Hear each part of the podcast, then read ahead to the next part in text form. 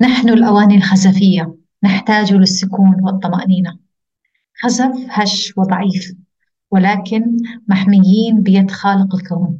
حتى نستطيع معاه أن نواجه الحياة وتحدياتها بقوة وبحكمة. خزف ولكن سنتقابل مع المسيح حتى نسأل ونتحدث عن ما يدور في أفكارنا وقلوبنا. كخزف نستطيع أن نولد من جديد بفكرنا وقلبنا حتى نعيش وننمو بالإيمان لنشبه المسيح أكثر وأكثر. معكم زينة كمورة مقدمة بودكاست خزف المختص بطرح قضايا روحية ونفسية في ضوء الكتاب المقدس.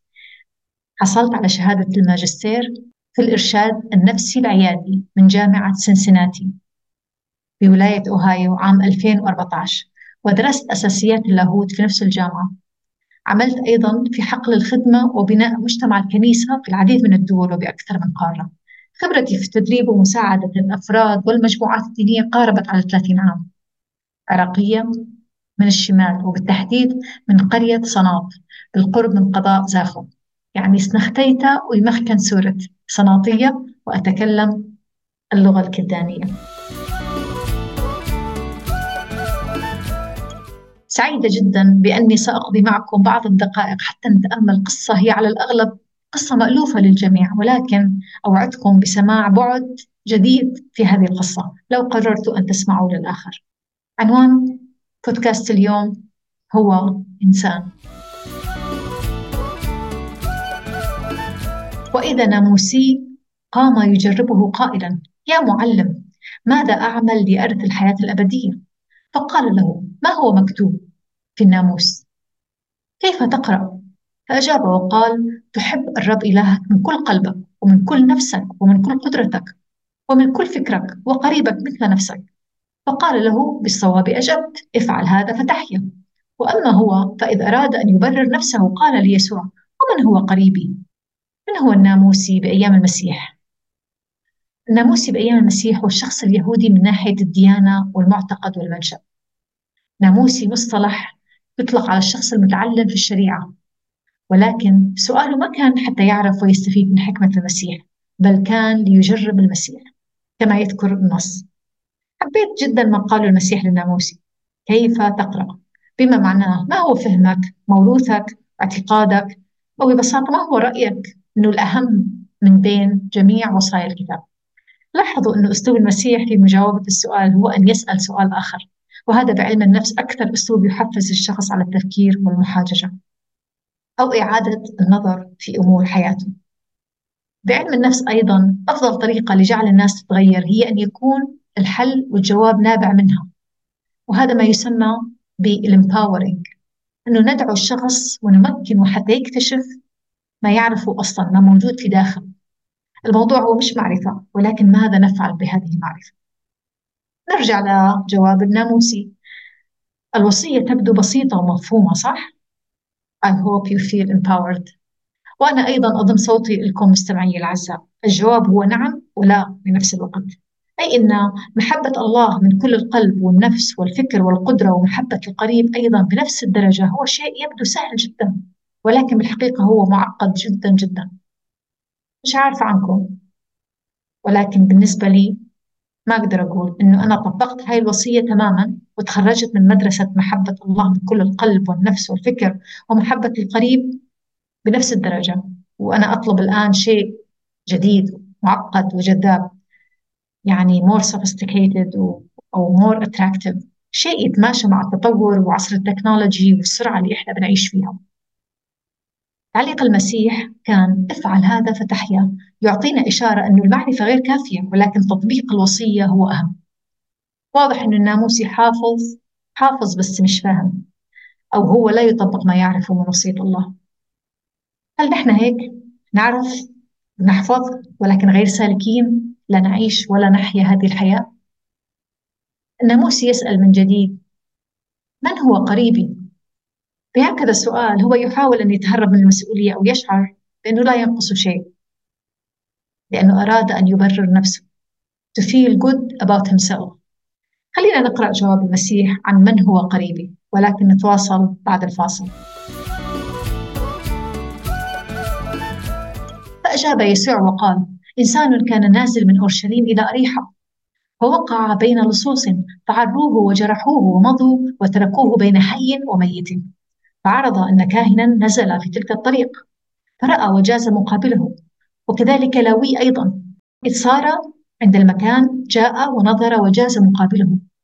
ولكن سامري مسافر جاء إليه ولما رآه تحنن فتقدم وضمد جراحاته وصب عليها زيتا وخمرا وأركبه على دابته وأتى به إلى فندق واعتنى به وفي الغد لما مضى أخرج دينارين وأعطاهما لصاحب الفندق. وقال له اعتني به ومهما أنفقت أكثر فعند الرجوع يوفيك. أي هؤلاء الثلاثة ترى صار قريبا للذي وقع بين اللصوص. فقال طبعا الناموسي الذي صنع معه الرحمة. قال له يسوع اذهب أنت أيضا واصنع هكذا. قراءة كانت من إنجيل لوقا الإصحاح العاشر ابتداء من عدد 25 أول كلمة قالها يسوع هذه القصة هي إنسانا. إنسان كان نازل. هذه هي مختصر الرسالة ومحتواها عن يسوع الإنسان. الإنسان في مأزق والإنسانية لا زالت في مأزق كبير يا يسوع رغم كثرة الكنائس ودور العبادة وكثرة الوعظ. من هو قريبي؟ أو بمعنى آخر ما هي مسؤوليتي بالتحديد؟ حتى نفهم القصة محتاجين أن نعرف بعض الأمور. من يمثل الكاهن واللاوي؟ المعروف أنه جميع الكهنة ينحدروا من نسل هارون أخو موسى واللاويين أيضا كما يوحي اسمهم هن نسبة إلى لاوي الابن الثالث ليعقوب من زوجته ليا كانوا هم يحملوا تابوت عهد الرب ومسؤوليات ثانية والتزامات وأيضا ما كان لهم ميراث ولكن ماذا عن السامري؟ السامري هو الشخص الغريب الأقل برا بالمقارنة مع اليهود المتعصبين في نظرتهم للآخرين السامريين هم أيضا يهود في الأصل ولكنهم كانوا مكروهين ومنبوذين من باقي الشعب اليهودي لأنهم برأيهم الأقل تمسك بتعاليم التوراة وأنهم زاغوا بعبادتهم عن الله وتعاليمه. الكاهن هو برأي الجميع الأحق بأخذ مسؤولية إنقاذ هذا الرجل المطروح أو أيضا اللاوي لأنه السبط المكرس من الرب لخدمة الهيكل. ولكن لاحظتوا معي مين اللي مش مطبق الوصية الأولى والأهم من بين تلك الوصايا؟ كل الوصايا في الكتاب. الأشخاص اللي مفروض يطبقوها الكاهن واللاوي بما معناه الأشخاص المسؤولين وأصحاب الألقاب الروحية. ونحن ندعي أو نقول عن أنفسنا مسيحيين هؤلاء هم المفروض يطبقوا هاي الوصية. ولكن من الذي تحنن؟ السامري. كان لديه شفقة. يستخدم لوقا ثلاث مرات كلمة شفقة. في واحدة منها يستخدمها في قصة يسوع لما شاف الأرملة اللي ابنها الوحيد كان ميت ومحمول نعشه يقول الإنجيل أنه لما رآها تحنن أشفق عليها. إظهار الرحمة أو الشفقة أو التحنن في سرد إنجيل لوقا على أنه امتياز وعمل إلهي. الشخص اللي يتحنن هو يعمل مجازيا كوكيل لله بعض المفسرين يقولوا أن السامري الصالح يشير للمسيح نفسه لأنه ما فعله بالاهتمام واعتناء. هو يفوق كل التوقعات. أي من كان الشخص السامري يمثل. نحن مدعوين لهذا النوع من الإنسانية مع الأشخاص المطروحين في طريقنا أو مجال خدمتنا وحقلنا وهذا فعلا ليثبت محبتنا للرب من كل القلب والنفس والقدرة. وإذا كان المسيح وعمله من أجلنا ومن أجل فدائنا فنحن أيضا مطالبين أن نتمثل بحياته. أنا شخصيا كثير أميل لجهة الحق والصح ولكن موضوع الشفقة شوي أصعب. الحقيقة ما زلت أحتاج إلى أنه أتغير في هذا الموضوع. أحيانا أفكر لو في ميزان من نوع ما شبيه بميزان الحرارة إنه هذا الميزان لو نضعه على قلوبنا يقيس درجة رحمتنا لطفنا تواضعنا تعاملنا وتعاطفنا مع الناس. It wouldn't be great.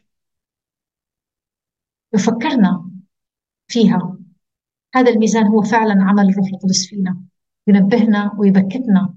مش بس على خطيتنا ولكن الأشياء اللي محتاجين أن ننمو فيها.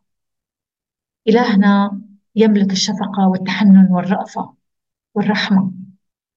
ولو بس أتذكر أني أول المنتفعين أو بالأحرى المثليين بسبب طبيعة الله وهذه الصفات اللي يحملها في كينونته بالطبع سيكون عندي رحمة أكثر لنفسي وللآخرين.